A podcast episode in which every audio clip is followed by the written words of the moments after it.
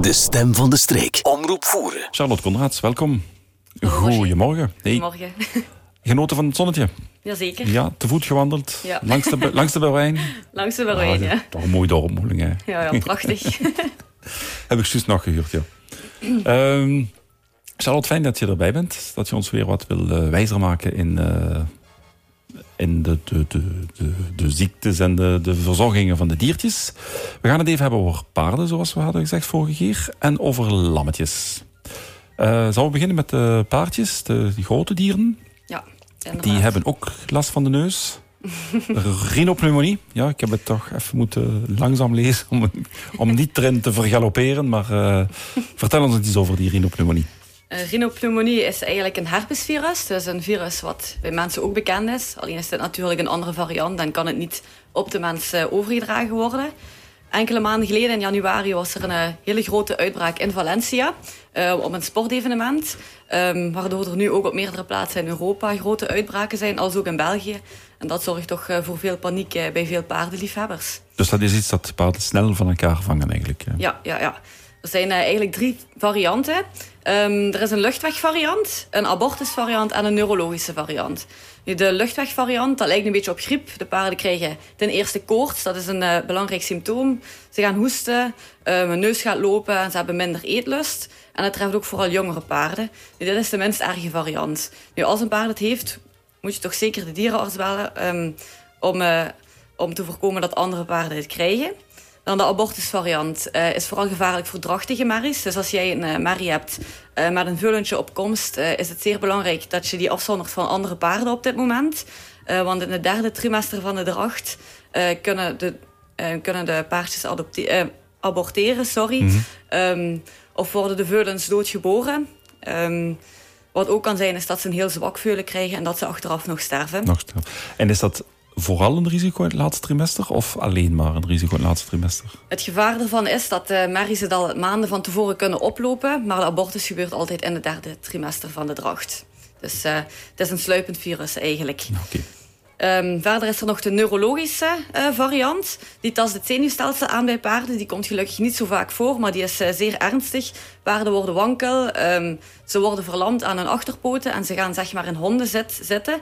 Dat is een eh, heel typisch symptoom. Nu, meestal draait dat uit ehm, op euthanasie. Dus gelukkig komt deze variant niet zo vaak voor, maar daar moeten we toch voor opletten.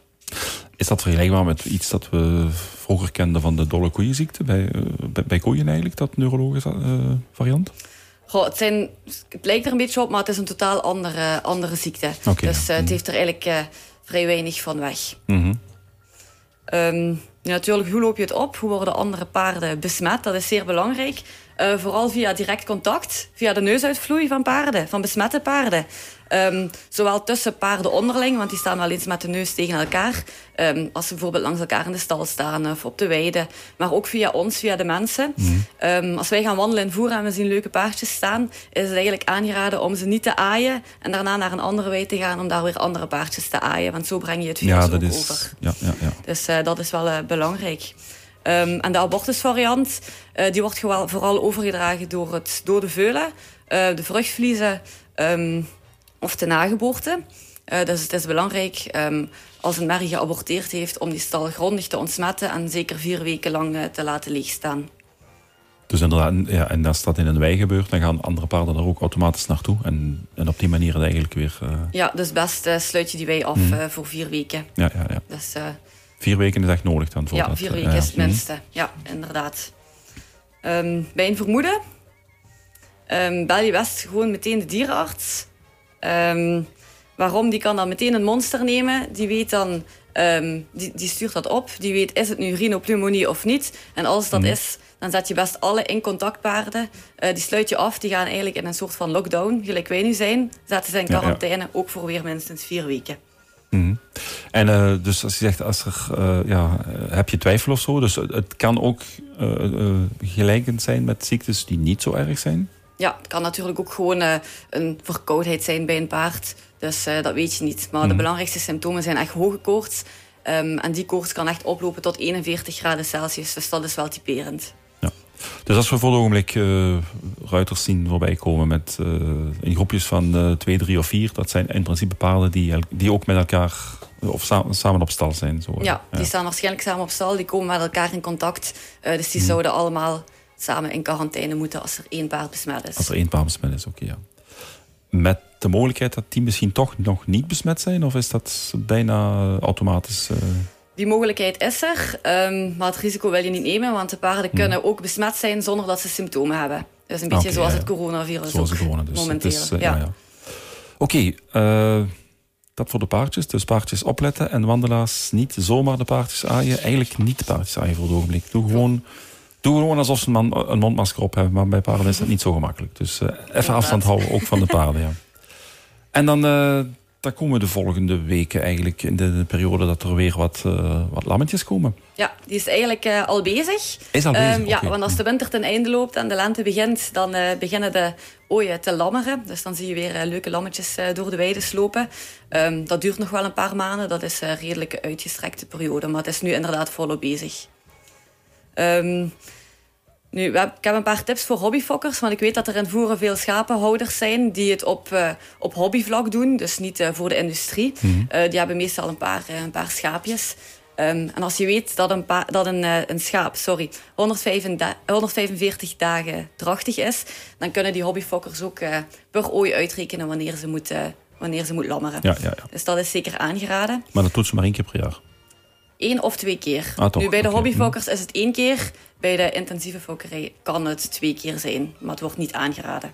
Ja, ja oké. Okay. Uh, komt er één? Komen er twee? Of kunnen het er drie zijn? Komen er één, twee, drie. En in zeldzame gevallen kunnen er ook wel eens vier zijn. Dus, uh, okay. ja, ja, ja. Mm. dus dat is, uh, maar dat is eerder uitzonderlijk. Mm. Eén, dat is eigenlijk niet zo goed, want meestal is het lam dan te groot. Als je er twee hebt, dat is perfect. En als je er drie krijgt, dan kan het zijn dat de lammetjes wat aan de kleine kant zijn. Maar dat kan ingehaald worden met goede voeding, met gezonde beweging, uh, zoals bij mensen? Ja, dat kan zeker ingehaald worden. Dus, uh, dus dat is geen probleem. Als ze te groot zijn, is het, uh, is het wel een probleem. Dan moet er vaak een dierenarts ingeschakeld worden voor eventueel een keizersnede. Ja, ja, ja. En wat hebben de mensen het liefste? Een, een jongetje of een meisje? natuurlijk het liefste ooitjes, want de rammetjes die gaan meestal op transport natuurlijk. Ah, ja, okay, die zijn nog niet meteen gevaarlijk. Vanaf wanneer zijn die vanaf, als ze, ja, vanaf een jaar als ze echt volwassen zijn. In het begin is het schattig, maar als ze beginnen te stoten met hun hoofd, dan, uh, ja, dan ja, weet je hoe laat het is. Ja, oké. nee, ik uh, ken het verhaal van een klein mannetje die vier was dat hij het schaap kreeg toen hij acht jaar was. Maar uh, hij moest ervoor weglopen, want werd stout, werd stout, ja. En werd bokkig. ja. Oké, okay, fijn. Dat is weer heel veel geleerd over de diertjes. Dank je wel. Ben ik vragen vergeten te stellen? Heb je nog iets voorbereid? Uh, even kijken. Ja, misschien wanneer je een dierenarts moet bellen bij een lammering. Voilà. Uh, wanneer, moet je dierenarts, wanneer moet je dierenarts bellen um, eigenlijk bij een lammering? Doe je dat best... Uh, ja, je weet ongeveer wanneer dat gaat gebeuren. Stel je hem van tevoren op de hoogte van... Kan het zijn dat ik je bel? Of, Dat is niet nodig. Meestal verloopt het vanzelf. maar bepaalde zeldzame gevallen kan het zijn dat er een dierenarts nodig is. Zeker als je ook redelijk onervaren bent in het aflammeren. Um, een paar uur voor de lammering begint de ooi onrustig te worden. Ze gaat wat minder eten en ze zondert zich af. Dus dat zijn echt tekens dat het gaat beginnen. Um, bij de start is er de slijmblaas zichtbaar. Dus dat is eigenlijk zoals bij vrouwen als het water breekt. Dat is dan uh, zoals bij schaapjes. Ze gaan liggen en ze beginnen uiteindelijk te persen. Um, je ziet de twee pootjes aan de kop, dan gaat het allemaal goed. En uh, na 15 minuutjes is het lammetje geboren, normaal gezien. Nu, als dat niet zo is, um, als de ooi perst zonder enige vooruitgang, uh, als het niet binnen een uur geboren wordt, uh, dan moet je zeker de dierenarts bellen. Um, Eén uur na het breken van de slijmblaas dus. Mm. kan ook zijn dat je bijvoorbeeld maar al die enkel de kop ziet of één pootje, dan zal het waarschijnlijk zijn dat het lam verkeerd ligt. Okay. En als je onvoldoende ervaring hebt, dan bel je best iemand. Anders uh, kan het lam of de ooi ook eraan voor, uiteindelijk. Voor beide. Voor beide gevaarlijk zijn, ja, inderdaad. inderdaad. Ja. Mm. Oké, okay, dus en ze mogen jou bellen? Ze mogen mij bellen, inderdaad. uh, is dat, daar is ook een dienst van wacht of zoiets? Of, uh... Goh, er is altijd, in principe zijn we altijd beschikbaar. Dus, ja, ja, oké. Okay. en het weekend is er een dienst van wacht. Dus. Oké. Okay. Kiezen die dieren een rustig moment om te, om te lammeren? Doen ze dat dus bij voorkeur toch s'avonds of s'nachts? Of ja, komt het gewoon als de natuur denkt dat het tijd is? Um, liefst doen ze dat inderdaad s'nachts, als ze niet te veel pottenkijkers hebben, op een rustig moment. Dus uh, het is ook de bedoeling als de ooi begint te lammeren dat je niet de hele tijd erbij staat of de hele tijd ernaar zit te kijken. Want dan kan het zijn dat ze niet verder gaat. Ah, dus die kan dat even stopzetten. Ja, dan wil, dan wil ze het niet. Dus, uh, met kwalijke gevolgen. Met kwalijke gevolgen, ja. Mhm. ja. Oké, okay, fijn. Prima. Weer veel bijgeleerd. Kom je volgende week weer? Voor binnen een maandje zal het zijn. binnen een maandje zal het zijn, oké. Okay. Dus uh, als er vragen zijn, beste luisteraars, beste luisteraars ja, stel ze gewoon uh, via de app, via de website of via Facebook. En Charlotte zal het allemaal uh, weer, ook weer mooi voorbereiden en de gepaste antwoorden komen brengen. Dankjewel, Charlotte. Tot de volgende. Tot de volgende. Uh, heb je de radiorebus? Uh... nee, nee, ik heb er eigenlijk nog niet naar geluisterd. Nog niet? Uh, daar gaan we nu samen luisteren. reclame, maar. Dan gaan we nu samen luisteren naar de radiorebus. Oké, okay. okay, dankjewel. Oké. Okay.